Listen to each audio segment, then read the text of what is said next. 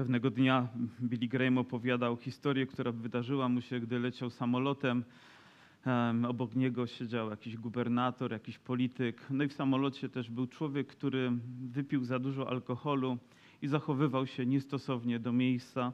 Zaczepiał stewardessę dość często i tak nachalnie robił to, aż w pewnym momencie ten polityk nie wytrzymał i powiedział, mówi, czy pan nie zdaje sobie sprawy, że leci tutaj z nami doktor Billy Graham? A on tak mówi, o naprawdę, ten kaznodzieja leci z nami. Mówi, mówi to, hej kaznodziejo, mógłbyś powiedzieć tej stewardesie, żeby usiadła obok mnie, to wtedy twoje kazania bardzo mi pomogą. Mam wrażenie, że czasami my chcielibyśmy, żeby kazania po prostu pomogły nam. Żebyśmy skłonili kogoś do tego, co dla nas jest przyjemne. I być może dzisiaj nawet Kościół być trochę podobny do tego człowieka, pijany. Powiem, zachęcony tym, co jemu jest przyjemne i oczekujący tego, żeby kogoś skłonić, by coś uczynił dla nas. Dzisiaj chciałbym rozpocząć pewien cykl nauczania odnośnie Kościoła oparty na dziejach apostolskich, który być może będzie najbardziej niewygodny dla mnie. Dlaczego? Dlatego, że przez ileś lat i dekad postawa mojego serca i świadomość Kościoła były kształtowane przez różne okoliczności i doświadczenia. I myślę, że jak trudną rzeczą dla mnie jest na nowo uczyć się tego, jak Kościół powinien funkcjonować, co jest Bożą prawdą, co jest Bożym zaleceniem, co jest tym, co ja powinienem wykonywać. Nie chcę być podobny do tego człowieka, który usiądzie sobie wygodnie i będzie oczekiwał, że coś pomoże jemu, ale chcę być człowiekiem, który chce świadomie i celowo działać, tak, aby Kościół Jezusa Chrystusa mógł być takim, jakim on oczekuje. I myślę, że Księga Dziejów Apostolskich jest doskonałym tego przykładem, jak Kościół rozpoczął swoją działalność w Jerozolimie, a później przez sporą część świata dociera do Rzymu i później wiemy, że dotarł do całego świata. Więc jest to historia, która inspiruje, historia, która uczy i historia, która powinna ukształtować w nas też ten obraz Kościoła takim, jakim Pan Jezus chce, aby on też był. To nie jest też doskonały Kościół, ma swoje wady, ma swoje problemy, ma swoje trudności, ale zdąża do celu, który został przez Boga wyznaczony i jest tym zdeterminowany, nie poddaje się, nie zniechęca się i wykonuje to dla Jego, dla Jego chwały. Pewnego dnia spotkałem też pewnego kaznodzieję, który zanim, zanim został pastorem, był studentem, em, o ile pa- pamiętam, prawo studiował i pewnego dnia gdzieś będąc w domu swojej dziewczyny, bowiem usłyszał gdzieś kaznodzieję, który, nie wiem, czy meczu szukał, czy czegoś, akurat na kaznodzieję trafił, mówił Ewangelię, trochę go to zaintrygowało, więc posłuchał nieco dłużej i dłużej i dłużej, aż w końcu jego serce zaczęło mięknąć i uświadomił sobie, że on nigdy Biblii nie czytał. I spytał się, czy masz Biblię do swojej dziewczyny. Ona wie, o, może gdzieś tam na półce jest. I rzeczywiście odnalazł starą, zakurzoną Biblię i zaczął ją czytać. Nigdy wcześniej nie był w żadnym kościele, nie był w żadnej społeczności, nie był na żadnym nabożeństwie. Po raz pierwszy wziął Biblię i zaczął ją czytać. Od początku do końca. I gdy przeczytał Biblię, zapragnął pójść do kościoła. Nie wiedział nawet, jak się tam dostać. Zadzwonił i spyta się, pytał się, czy może przyjść do kościoła. No i sekretarka mówi, tak, może pan przyjść, choć nie były to obostrzenia, było to wiele lat temu. A on mówi, ale jak to tak? Mogę sobie po prostu wejść i przyjść? A ona mówi, tak, proszę. Ale mówi, jak? No to co mam? Po prostu przyjechać i, i wejść? Mówi, tak, może pan przyjść na nabożeństwo. Dla niego to było takie zaskakujące, ale gdy już wszedł, to zobaczył różnicę pomiędzy tym, co czytał w Biblii, a tym, co zastał na nabożeństwie. I myślę, że my widzimy pewne różnice, o których mówi Biblia i które dostrzegamy w naszym życiu, dostrzegamy w funkcjonowaniu Kościoła. Czy jesteśmy na tyle gotowi i pokorni, aby pozwolić Duchowi Świętemu, by na nowo kształtował naszą postawę, nasze uwielbienie, nasze zwiastowanie, wszelkie formy, które wynikają też ze służby Kościoła, tak, aby on był wywyższony. Myślę, że w czasach dzisiejszych Kościół jest poddany wielkiej próbie. Myślę, że diabeł znajdzie każdą jego słabość i uderzy w nią z wielką mocą po to, żeby zrobić mu krzywdę.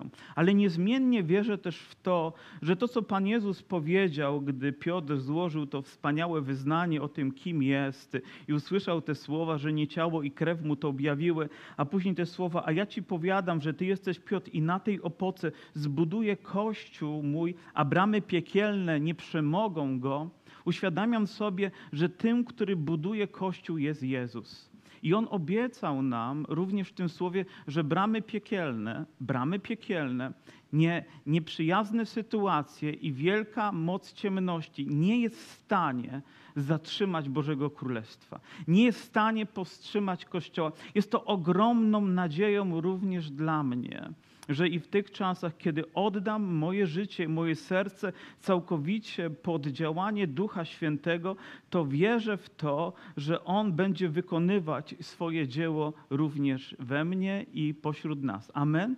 Że nawet jeżeli w jakimś momencie uderzy i jakaś słabość zostanie obnażona, to i tak Bóg przyjdzie ze swoim uzdrowieniem. Często też tak jest, że Bóg uderza w takie czułe miejsca po to, żebyśmy zwrócili na nie uwagę i mogli je umocnić, mogli je umocnić, mogli je umocnić. On nie obnaża nas po to, żeby tylko nas zawstydzić, żeby zrobić nam obciach przed innymi, ale robi to, ponieważ nas kocha i Jemu na nas zależy. Czasami my, nawet jako wierzący ludzie, którzy już idziemy za Bogiem, wiemy, że Bóg nieustannie buduje nasze serce, buduje nasze życie, bo tak naprawdę to my jesteśmy jesteśmy Kościołem. My, nasze serce jest Jego cząstką. To my należymy do Jezusa. A więc to, jaką my mamy kondycję, każdy z nas świadczy o kondycji, którą mamy również jako Kościół. A więc gdy uderza w takie słabe punkty naszego życia, to w, w ten sposób, abyśmy dotarli do tego miejsca, na nowo zmierzyli się z tą sytuacją i przemienili postawę naszego życia tak, aby On mógł mieć z tego chwałę. Niezmiennie przez pokolenia Kościół Kościół i każdy z nas toczy walkę ze światem, to prawda. Ten świat, jego system był, jest i będzie wrogi przeciwko Kościołowi. Toczymy walkę z kim? Z naszym ciałem z naszymi słabościami, z naszymi ułomnościami i one czasami odzywają się i też bardzo boleśnie. I trzecią walkę, którą toczymy, to z siłami ciemności, to z diabłem, który próbuje przez legion demonów atakować nasze życie i potrzebujemy i tutaj mieć świadomość i mieć też ochronę Bożą i mieć autorytet Boży, by temu się przeciwstawić. Prawda, że tak? A więc będziemy o tym mówić. Każdy z tych aspektów będziemy dotykać. Rozpoczniemy dzisiaj od pierwszego, od pierwszego pierwszego rozdziału, od pierwszego wiersza i zobaczymy, ile uda nam się do końca nabożeństwa dzisiaj przejść. A pierwszą księgę Teofilu napisałem o tym wszystkim, co Jezus czynił i czego nauczał od początku. Pierwszy wiersz mówi nam, że ta księga nie jest pierwszą księgą napisaną przez tego autora, jest drugą księgą. Pierwszą księgą jest Ewangelia Łukasza. To on jest autorem tej księgi i pisze do kogoś, kto na imię ma Teofil. Innymi słowy, gdybyśmy przetłumaczyli jego imię, to dostojnik. I nie wiemy, czy to jest postać rzeczywista, czy taka hipotetyczna. Tak jakby po prostu ten list miał do kogoś ważnego być wysłany takim otwartym listem do wiadomości wszystkich, którzy będą go czytać i którzy być może powinni nawet go przeczytać i to powinno mieć wpływ na, na ich życie.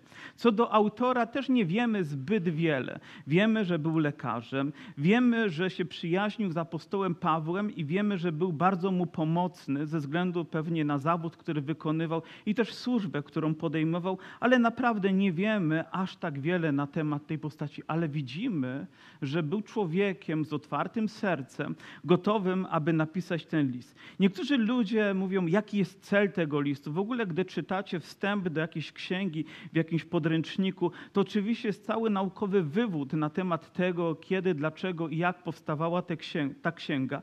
A z drugiej strony sobie myślę o Łukaszu. On nie zdawał sobie sprawy, ile tomów powstanie rozpracowań na temat wstępu do tej księgi. On po prostu pewnego dnia miał natchnienie Boże i pragnienie, by spisać to, o czym słyszał, to, czego doświadczył, a nawet to, w czym uczestniczył, po to, aby, aby Kościół mógł być zbudowany. Duch Święty dał mu to pragnienie i żaden naukowy wywód nie jest w stanie w pełni uświadomić nam, jak ważna jest to księga. Po prostu Duch Święty musi to uczynić w swojej mocy, aby ona dotarła do nas. Napisał pierwszą księgę i w pierwszej księdze mówi: Napisałem wszystko to, co Jezus czynił i czego nauczał. I myślę, że to, co czynił, nawet stawia tutaj na pierwszym miejscu, bo dla niego, jako lekarza, było zadziwiające, że Jezus leczy nieuleczalne choroby.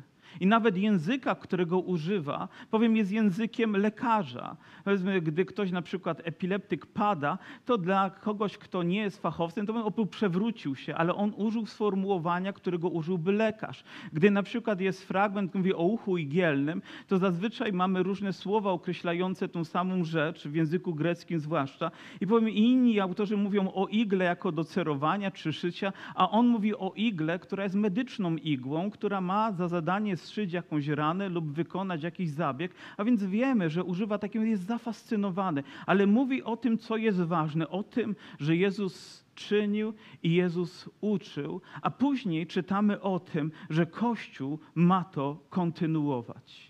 Do pewnego biskupa gdzieś przyszedł Hindus, który dostał też Nowy Testament do swojego życia. Nigdy wcześniej też nie był w żadnym chrześcijańskim kościele. Po prostu przeczytał Nowy Testament, przyszedł do biskupa z taką oto prośbą: Proszę, wskaż mi kościół, w którym będę mógł kontynuować to, co czynił Jezus. I myślę, że tak chcielibyśmy, żeby było zdefiniowane to w naszym życiu, że w oparciu o naukę apostolską, o to, czego uczył Jezus, w mocy Ducha Świętego kontynuować to dzieło, prawda? To, co Jezus czynił, to, co uczył, jest dla nas, jako dla ludzi wierzących, fundamentalne. Nic nie może się w tym równać. Żaden zwyczaj. Czy wiecie, że ta nauka i to słowo będzie kształtować również i apostołów? I za chwileczkę będziemy to odkrywać, jak musi się poszerzyć, a nawet zmienić ich serce, ich światopogląd musi się zmienić, gdy chodzi o niektóre rzeczy, po to, by Ewangelia mogła być zwiastowana. Czy dzisiaj ta sama Ewangelia ma tę samą moc, czy ona po prostu zastaje jakieś struktury, które są, albo my wypatrzyliśmy to, zmieniliśmy te słowa, o, dodaliśmy coś, co jest naszym zwyczajem, co wydaje nam się, że jest właściwe z naszej strony. Nie, powinniśmy zmierzyć się z tym, mieć odwagę to zrobić, aby kontynuować to dzieło w oparciu o naukę, w oparciu o moc i autorytet, jaki nam daje Duch Święty i wykonywać to z całą odwagą. Amen? A więc moją modlitwą dzisiaj jest, aby Bóg kształtował mnie. Chciałbym, żeby modlitwą również Twojego serca było to, Panie, uczyń na nowo moje serce plastyczne kształtuj je. Wiecie, masa jest tego rodzaju, jaka powinna być, bo Twoje serce zostało zdobyte przez Pana, tak? Zostało uratowane, stało się Jego własnością, ale teraz jak ono będzie kształtowane, zależy od naszego poddania się działaniu i mocy Ducha Świętego, aby czynił to we właściwy sposób. Aż do dnia, gdy udzieliwszy przez Ducha Świętego poleceń apostołom, których wybrał, wzięty został w górę. A więc widzimy ten cały okres i cały czas, gdy będziemy czytać Księgę Dzieł Apostolskich, będziemy widzieć rolę i dzieło Ducha Świętego, aż przez Ducha Świętego, przez Ducha Świętego, przez Ducha Świętego. O, oto nastał czas, gdy Duch Święty ma wykonywać tą niezwykłą rolę w życiu człowieka, którą tylko On może uczynić e, tak, aby nasze życie mogło być zmienione zgodnie z tym. Gdybyśmy próbowali tak wyciąć Ducha Świętego albo ograniczyć Jego działanie, to mam wrażenie, że z całej Biblii, a już na pewno z tej księgi zrobiliśmy tylko jakiś kolaż. Czyli powycinali fragmenty, poprzylepiali coś gdzieś, bo nam się tak podoba. Nie, powinniśmy wziąć cały obraz, bez nożyczek, bez wycinania i się z nim zmierzyć. Jesteście gotowi? Mówię, daj Panie Boże, byśmy mogli wziąć wszystko, co Ty masz dla nas. Im też po swojej męce objawił się jako żyjący i dał liczne tego dowody, ukazując się im przez czterdzieści dni i mówiąc o Królestwie Bożym. Jak im się objawił? Jako żyjący. Czyli czasami jest jakaś sławna postać gdzieś w historii i pamięć o niej żyje, no bo gdzieś się zasłużył jakimiś dziełami i pieśni, poezja objawiają jego imię, jakby pamięć o nim jest wciąż tak aktualna.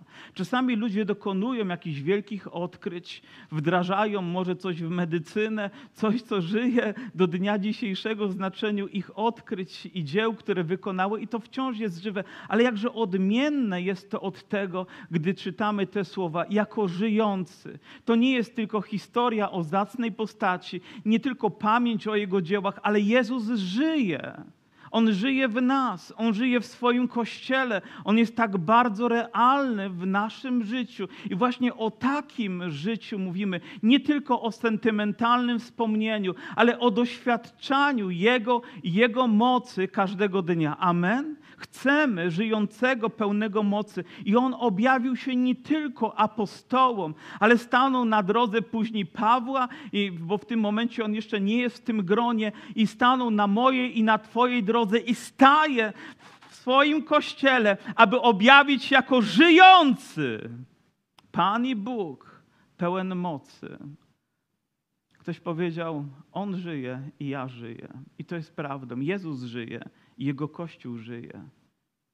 Jego objawieniem, Jego chwałą, Jego mocą, która jest w nas. A spożywając z nimi posiłek, nakazał im: Nie oddalajcie się z Jerozolimy, lecz oczekujcie obietnicy Ojca, o której słyszeliście ode mnie. Co za niezwykłe słowa. Wydawałoby się, że teraz rozpędem będą szli i będą coś wykonywali, a Pan Jezus jakby spowalnia ich na chwilę, mówiąc: Nie, nie, nie, nie próbujcie się ruszać, dopóki nie zostaniecie przyobleczeni mocą z wysokości. Gdybyśmy poszli i próbowali czynić coś o własnych siłach, gdyby wtedy uczniowie, powiem może emocjonalnie nieco nakręceni, zachęceni słowami Pana, po prostu poszli, ale nie mieli mocy i autorytetu w swoim życiu, jak myślicie, jakby się to skończyło? Jaki byłby finał ich działalności? Nawet prawdopodobnie świadectwo tego nie dotarłoby do dnia dzisiejszego ale dlatego, że poczekali, dlatego, że otworzyli swoje serca, dlatego, że pozwolili Duchowi Świętemu, aby wkroczył w mocy w ich życie, byli nie do zatrzymania. To, co się rozpoczęło tam w Jerozolimie. Wiecie, to wydaje się takie no nieco nawet y, niewielkie, bo ich liczba była tam nieduża. O tym za chwileczkę będziemy czytać i pozwólcie, że może do tego dojdę. Jan bowiem chrzcił wodą, ale wy po niewielu dniach będziecie ochrzczeni Duchem Świętym, a więc mówi o wydarzeniu, które ma tak istotne znaczenie dla każdego z nas. A gdy oni tedy się zeszli, pytali go, mówiąc: Panie, czy w tym czasie odbudujesz królestwo Izraelowi? I rzekł do nich: Nie wasza to rzecz znać czasy i chwile, które ojciec w mocy swojej ustanowił. Oczywiście my jako ludzie zawsze mamy swoje priorytety i swoje potrzeby i oni też oczekiwali, że, że w tym czasie Pan Jezus uczyni coś, czego oczekiwali nie tylko oni, ale oczekiwał cały Izrael, że zostanie odbudowane Królestwo Izraela. W tym czasie oni są pod zaborem rzymskim, są pod ich władaniem, pod ich panowaniem, ale pamiętają gdzieś z historii świetność Izraela i chcieliby, żeby zostało to przywrócone. I oczekują tego, ale Pan Jezus definiuje to po raz kolejny, że nie naszą rzeczą jest dbać o takie rzeczy, które są związane, nie wiem, z polityką, z funkcjonowaniem tego świata, ale naszą rzeczą jako Kościoła jest wypełniać misję, do której jesteśmy powołani. Ja wciąż, gdy słyszę te słowa, nie waszą rzeczą jest, zadaję sobie o wiele głębiej, nie tylko w kontekście historii tego wydarzenia, ale w kontekście mojego osobistego życia, co nie jest naszą rzeczą jako Kościołem, jako Kościoła, czym my nie powinniśmy się zajmować zajmować, albo czym Kościół dzisiaj, nawet w szerszym znaczeniu, nie powinien się zajmować, jakich dyskusji nie powinien podejmować, jakich słów nie powinien używać, a zająć się tym, co służy chwale Jezusa, co służy wypełnienia Jego misji. A więc musimy niektóre rzeczy jakby wyeliminować po to, żeby te właściwe mogły się odezwać z o wiele większą mocą. To może również dotyczyć mnie i mojego życia, osobistego życia. Jakie rzeczy mogą być przeszkodą? Powiem, na czym jestem skupiony, co musi być przewartościowane we mnie tak, aby to, co zostało zaszczepione przez Ducha Świętego, mogło dojść do takiego głosu, by Bóg przez to był uwielbiony. I to nie jest tylko kwestia powiem, dwunastu apostołów i garstki ludzi z nimi zebranych, ale każdego Bożego człowieka. Oto Chrystus powołuje cię do swojego królestwa. Ale myślisz, że to koniec? Dopiero rozpoczyna się walka o, z Twoją cielesnością, z Twoim światopoglądem, z Twoimi priorytetami, z Twoimi przyzwyczajeniami, z Twoimi nawykami. Rozpoczyna się wielki bój o Twoje życie. Niektórzy myślą, że o, zostałem zbawiony, więc nic nie muszę robić. Nie, teraz wsparty przez Ducha Świętego dopiero powinieneś pracować nad swoją postawą, nad swoim charakterem, nad tym, co właściwe i tyle rzeczy musi być po prostu wyeliminowanych, wyrzuconych z Twojego serca i z Twoich myśli. Nie powinieneś do nich powracać po raz kolejny, ponieważ to już staje się złe, to staje się grzeszne, niewłaściwe w Bożych oczach. I, i również uczniowie musieli się z tym zmierzyć. Wiem, ile Bóg zmienił rzeczy w moim życiu, że zawsze dla mnie ważny był sport, bieganie po boisku, a teraz stał się ważny kościół, stały się ważne inne rzeczy. Może jeżdżenie na obozy chrześcijańskie, uczestniczenie w spotkaniach młodzieżowych, w nabożeństwach, w innych wydarzeniach. I było to kiedyś tak dalekie, ale w tym momencie, ze względu na Chrystusa, musiałem niektóre rzeczy po prostu zmienić w moich myślach i w moim sercu i pozwolić, żeby one zaowocowały w moim, w moim życiu. Nie dojdziesz daleko, dopóki nie zmieni się Twoja postawa. Gdzieś utkniemy, jeżeli nie zmienimy my, również jako Kościół, naszej postawy przed Bogiem, nawet gdyby miało być trudniej. Mówi, ale weźmiecie moc Ducha Świętego, kiedy stąpi na was i będziecie mi świadkami w Jerozolimie i w całej Samarii, e, w Judei, w Samarii i aż po krańce ziemi. Oto niezwykłe, niezwykła rzecz, którą Pan Jezus obiecuje im w tym miejscu, że staną się świadkami na całej ziemi. Wiecie, dla nich przekroczenie granicy Izraela, tego miejsca, gdzie byli, Palestyny było niewyobrażalne, a Pan Jezus mówi: dojdziecie o wiele dalej. Statystycznie patrząc, oto w tym obrębie, gdzie oni żyli, żyło około 4 milionów ludzi. To nieduża liczba. Ich, jak wiemy później dalej z fragmentu, było około 120. Gdybyśmy przeliczyli, ktoś przeliczył, że to jest mniej więcej 30 tysięcy na jedną osobę wtedy, żeby zdobyć. Czyli jedna wierząca osoba na 30 tysięcy niewierzących osób. I teraz wyobraźcie sobie, nasze miasto ma około 120 tysięcy mieszkańców. Czyli ile? Cztery osoby. I teraz mamy w czwórkę, czyli ja, moja żona, Janusz i brat Rysiu. Dobrze, no może jeszcze brata jakiegoś innego weźmiemy. Andrzej. I, I mamy zdobyć całe miasto dla Chrystusa.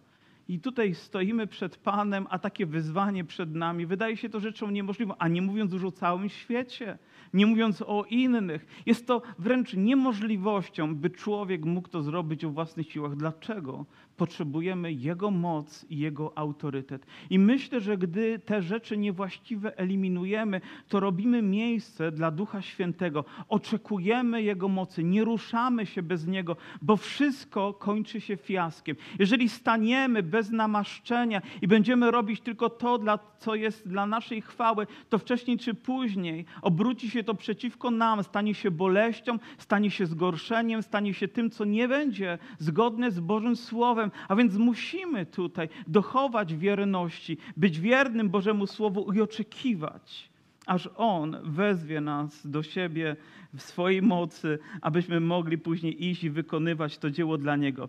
A gdy powiedział, a oni patrzyli, został uniesiony w górę, obok go, wziął sprzed ich oczu. A gdy tak patrzyli uważnie, jak on się oddalał ku niebu, oto dwaj mężowie w białych szatach stanęli przy nim i rzekli: Mężowie galilejscy, czemu stoicie patrząc z niebo? Ten Jezus, który od was został wzięty w górę do nieba, tak przyjdzie, jak go widzieliście idącego do, do nieba. Nieczęsto mówimy o wniebowstąpieniu Pana Jezusa Chrystusa. Jest nawet dzień, jest święto temu poświęcone, ono dopiero ma nastąpić, ale to ważny dzień, ważny dzień w historii. Jezus nie opuszcza ich, On ich nie porzuca, On ich nie pozostawia. On odchodzi i mówi, aby przygotować wam miejsce. Mówi, ja muszę odejść, aby pocieszyciel Duch Święty przyszedł, aby był razem z wami. Więc Jezus na ich oczach ukazuje im to, co za chwilę się wydarzy, tylko w drugą stronę, gdy On będzie powracał.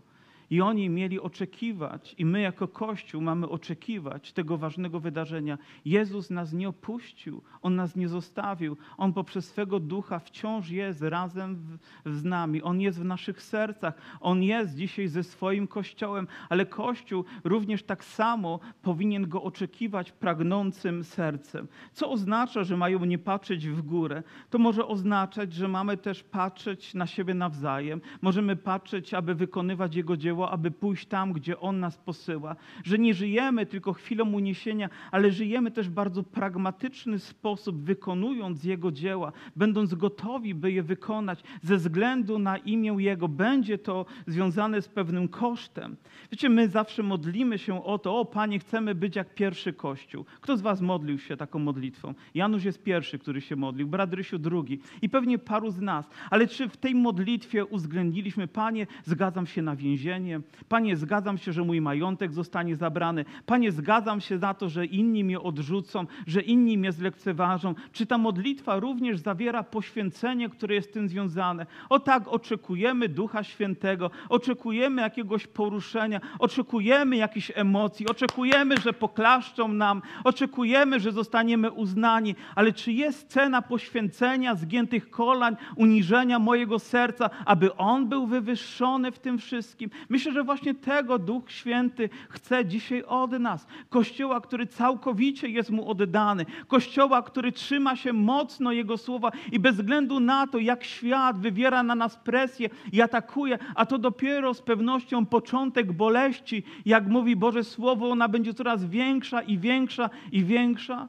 Nawet z przerażeniem ostatnio gdzieś ktoś mówiąc mi mówił o jakiejś firmie farmaceutycznej polskiej, która już ponoć przygotowuje chipy, które będą wszczepione w nasze dłonie, może tylko po to, żebyśmy rachunki płacili naszą dłonią. Jeszcze nie wiem, czy to jest znak bestii, ale to wszystko zapowiada, że jego przyjście jest tak bliskie, że żyjemy w tych czasach i my jako Kościół tym bardziej powinniśmy być gotowi. Prawda, że tak? Powinniśmy być zdeterminowani nawet, wiedząc, że się ten czas przybliża, że Jego przyjście jest tuż, tuż, tak jak oni widzieli Go odchodzącego, może to pokolenie.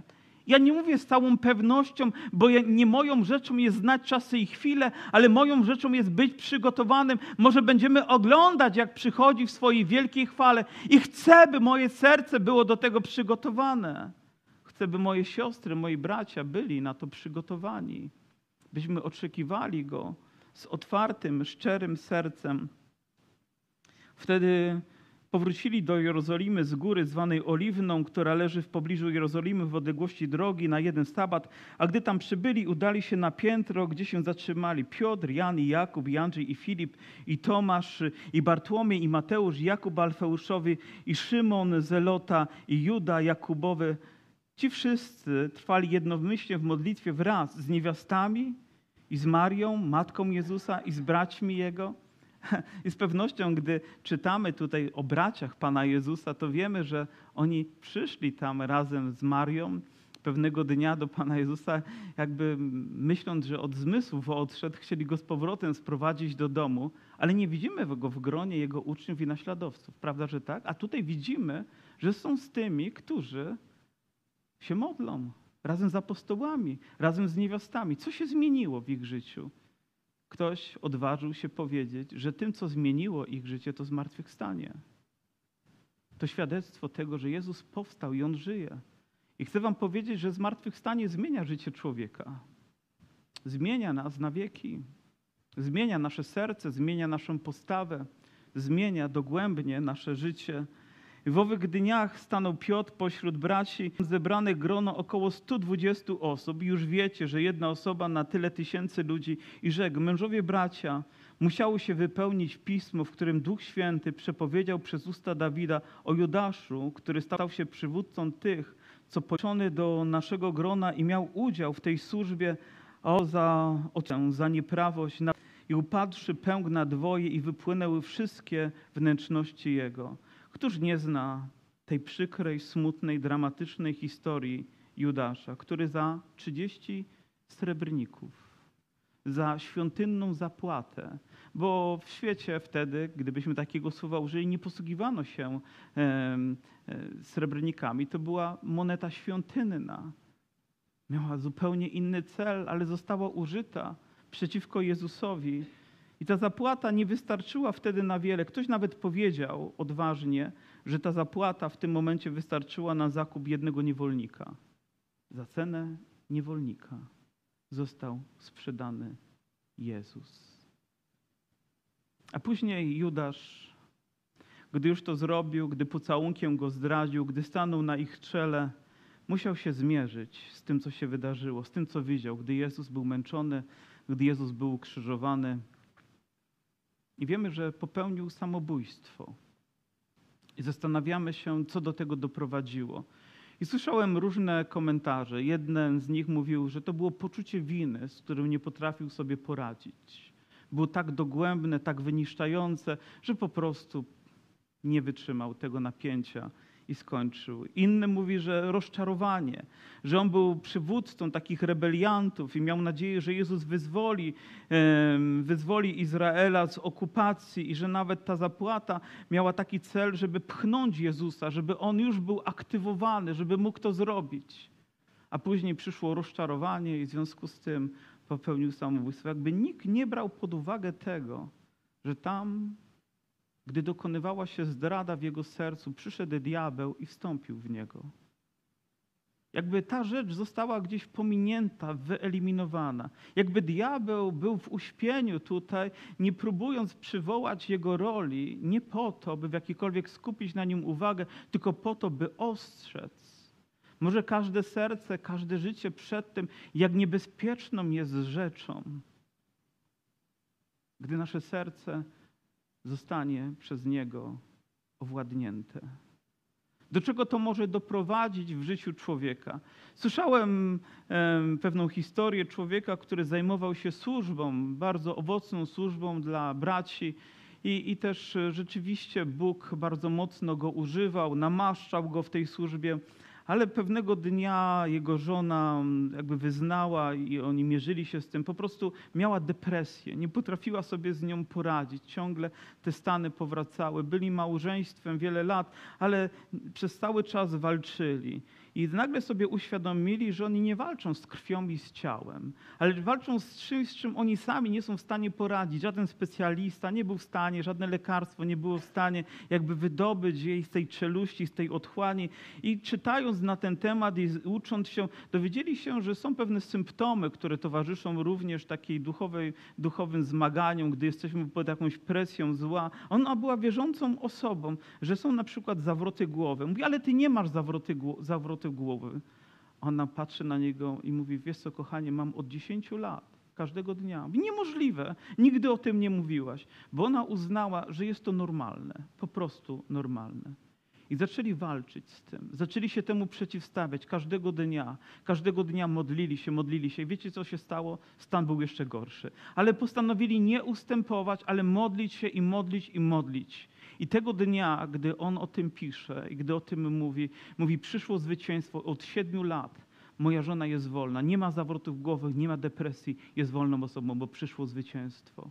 Wiecie, dla każdego z nas jest nadzieja, dla każdego z nas jest zwycięstwo w imieniu Jezusa Chrystusa. Nie możemy pozwolić, by coś zawładnęło. W tej sytuacji historia skończyła się dramatycznie, ale dzisiaj żyjemy w czasach, gdzie ta walka będzie się toczyć, gdzie nasze myśli będą sponiewierane, będą narażone na większe niebezpieczeństwo, niebezpieczeństwo niż kiedykolwiek wcześniej, że przyjdą pokusy i przyjdą sytuacje, które przerastają nasze możliwości. Dlatego tak bardzo potrzebujemy działania Ducha Świętego, strach przed śmiercią śmiercią, będzie próbował nas paraliżować, tak że nawet niektórzy ludzie nie będą w stanie wyjść z domu, nie będą w stanie kontaktować się z innymi ludźmi, zostaną owładnięci, odizolowani. I dlatego to jest tak niebezpieczny moment. I odpowiedzią wierzę, że jest Kościół. Dla wielu ludzi nawet trudno będzie przyjść do Kościoła, przyłamać pewne bariery, nie bacząc na to, że Jezus naraził swoje życie, że uczniowie narażali swoje życie idąc, ale gdzieś ta blokada będzie i tylko moc Boża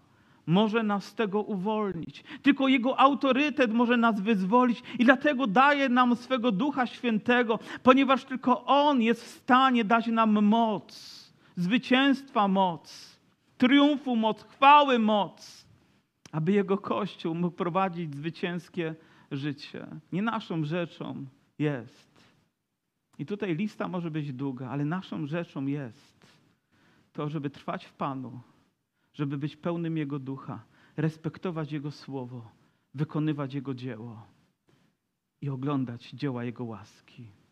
Oglądać je każdego dnia. I później czytamy, że Piotr mówi, no to w związku z tym potrzebujemy wybrać kolejną osobę, która będzie tym dwunastym razem z nami. Trzeba więc, aby jeden z tych mężów, którzy chodzili z nami przez cały czas, kiedy Pan Jezus przebywał między, począwszy z nami, począwszy od chrztu Jana, aż do dnia, w którym od nas został wzięty w górę, stał się wraz z nami świadkiem Jego zmartwychwstania. Wskazali dwóch, Józefa, zwanego Barsabą, którego też nazywano Justem i Macieja. Potem modlili się tymi słowy, Ty, Panie, który znasz serca wszystkich, wskaż z tych dwóch jednego, którego obrałeś. To, na co chciałbym zwrócić uwagę, to to, że mieli dwóch braci i to, co było wspólnego dla nich, to to, że obydwaj znali Pana. Znali Pana. To tak istotne jest. To nie znaczy, że oni tylko o nim słyszeli, ale oni po prostu go znali. Czasami mi się zdarza, że gdzieś spotykam kogoś na mieście, ktoś mówi mi dzień dobry i wydaje mi się, że no, gdzieś ta osoba musi coś o mnie wiedzieć, skoro, a ja nie, nie wiem, nie zna jej temat. Dlaczego? Bo gdzieś może mnie oglądała, może słuchała, może gdzieś przez chwilę żeśmy się spotkali, ale czy się znamy? Czy ona coś wie o mnie, ale czy ja ją znam? Nie wiem, bo skoro nie rozpoznaję, choć mam tu też pewne słabości związane z zapamiętywaniem niektórych twarzy i imion i to może się również odzywać, ale on znał Pana, oni znali Pana. I Kościół to ludzie, którzy znają Pana. I Pan zna ich. Zna ich serca, zna ich myśli, zna ich potrzeby, zna ich pragnienia. To osobista relacja, którą mają razem ze swoim Panem. Kościół to miejsce, gdzie ludzie powinni ją odkrywać, jak bardzo potrzebują tej relacji, powinni ją pogłębiać. A później czytamy też, że oni chodzili z Panem od tego dnia aż dotąd, aż do końca. Byli świadkami tego wszystkiego, czego Jezus czynił, a przynajmniej w znacznej mierze oni chodzili z Panem, a więc znali Pana i chodzili z Panem, znali Pana i chodzili z Panem. Dzisiaj Kościół niekoniecznie musi się charakteryzować tymi dwoma rzeczami, że ludzie znają Pana i chodzą razem z Nim. Kościół to miejsce, Kościół to klub, Kościół to fajna możliwość, może do jakichś nawet przeżyć. Ale Kościół to ludzie, którzy znają Pana i którzy razem z Nim chodzą. Kościół to miejsce, gdzie ludzie rodzą się na nowo do Bożego Królestwa, którzy respektują Pana, znają Jego Słowo, a dzisiaj ktoś zwrócił uwagę, że dzisiaj wierzący nawet bez Biblii przychodzą na nabożeństwo. Ktoś z Was słyszał już to? Ja ale mamy wszyscy w komórkach, prawda? Każdy gdzieś ma. Ale ja pamiętam czasy, gdzie przyjście bez Biblii na nabożeństwo to był obciach. Dla samego faktu nawet trzeba było wziąć Biblię, żeby po prostu ją mieć ze sobą, bo gdy kaznodzieja czytał, i pamiętam, jak na początku miałem problem, jak padał jakiś cytat z, na przykład z proroka małego i trzeba było to odnaleźć i głupio było do spisu zajrzeć. Więc pewnego dnia usiadłem w domu, mówię, mówię nie ruszę się, dopóki nie nauczę się wszystkich ksiąg na pamięć. Tak w znaczeniu um, chronologii ich ułożenia. I nauczyłem się. I nauczyłem się, mówię, bo mi głupio było odnajdywać księgi ze spisu tylko mówię, od razu chcę wiedzieć, gdzie ona jest. Czy w Starym Testamencie, czy w Nowym Testamencie, czy w tej części Biblii, czy w innej części Biblii. I mało tego, nawet mówię, nauczę się, ile każda księga ma rozdziałów. I zgadnijcie, nauczyłem się? Nauczyłem się i zapomniałem. Ale nauczyłem się. A ktoś powie, ale ty masz tablet. Nie masz Biblii, nie przynosisz. Ja wam powiem, zamieni się z wami. Dam komuś tablet, jeżeli ktoś mi da swoje oczy. Ponieważ mnie łatwiej jest czytać z tabletu. Mam pewną wadę wzroku i gdy światła padają i gdy mnie oślepiają, ciężko by mi było czytać z tekstu. Z tabletu jest mi po prostu łatwiej, bo on świeci, bo on tutaj pokazuje mi wyraźniej. Zamienię się. Jeżeli ktoś da mi swoje oczy, oddam mu tablet. Ale proszę, przychodź z Biblią. Przychodź, żeby sprawdzać. Przychodź, żeby utrwalać. Przychodź, żeby zapamiętywać. Przychodź, żeby podkreślać to, czego ja nie powiedziałem. Żeby dawać znaki zapytania tam, gdzie ja nie dopowiedziałem lub ktokolwiek z. Przychodź z Biblią. Przychodź, aby traktować Boże Słowo z należytym mu szacunkiem i respektem. I oto widzimy, że Pan, który zna serca, oni rzucili losy, czy postąpili właściwie.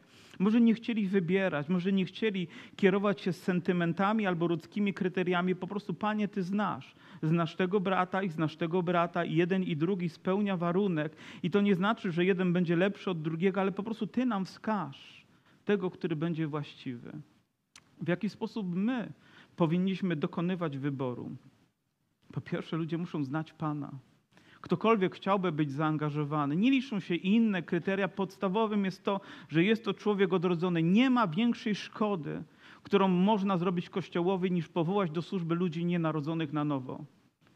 Ludzi, którzy nie respektują Bożego Słowa, którzy nie znają Pana, nie znają i nie chodzą razem z Bogiem, nie kroczą każdego dnia, Powiem ci, ludzie byli cały czas z Jezusem. To nie było tak, że oni wpadli na jedno nabożeństwo, a później nie było ich pół roku i znowu na nabożeństwo, bo po kilku miesiącach nie. Oni byli każdego dnia z Jezusem. W każdym wydarzeniu byli zaangażowani swoim sercem, bo tak wygląda chrześcijaństwo. To jest codzienność. Jeżeli chcesz być człowiekiem respektowanym też przez innych, to musisz wykazać się również postawą swojego serca, zaangażowaniem swojego serca w to, co jest Boże, w to, co jest święte, w to, co jest dobre, to, co służy Kościołowi to, co służy Jego zbudowaniu, to, co służy Jego jedyności. Każda inna rzecz może być niewłaściwą rzeczą, może być nawet złą rzeczą z dobrymi intencjami, z dobrymi założeniami. Ja widzę, że oni byli razem. Było ich niewielu, ale byli, byli razem. Razem się modlili, razem uwielbiali, razem podejmowali decyzje.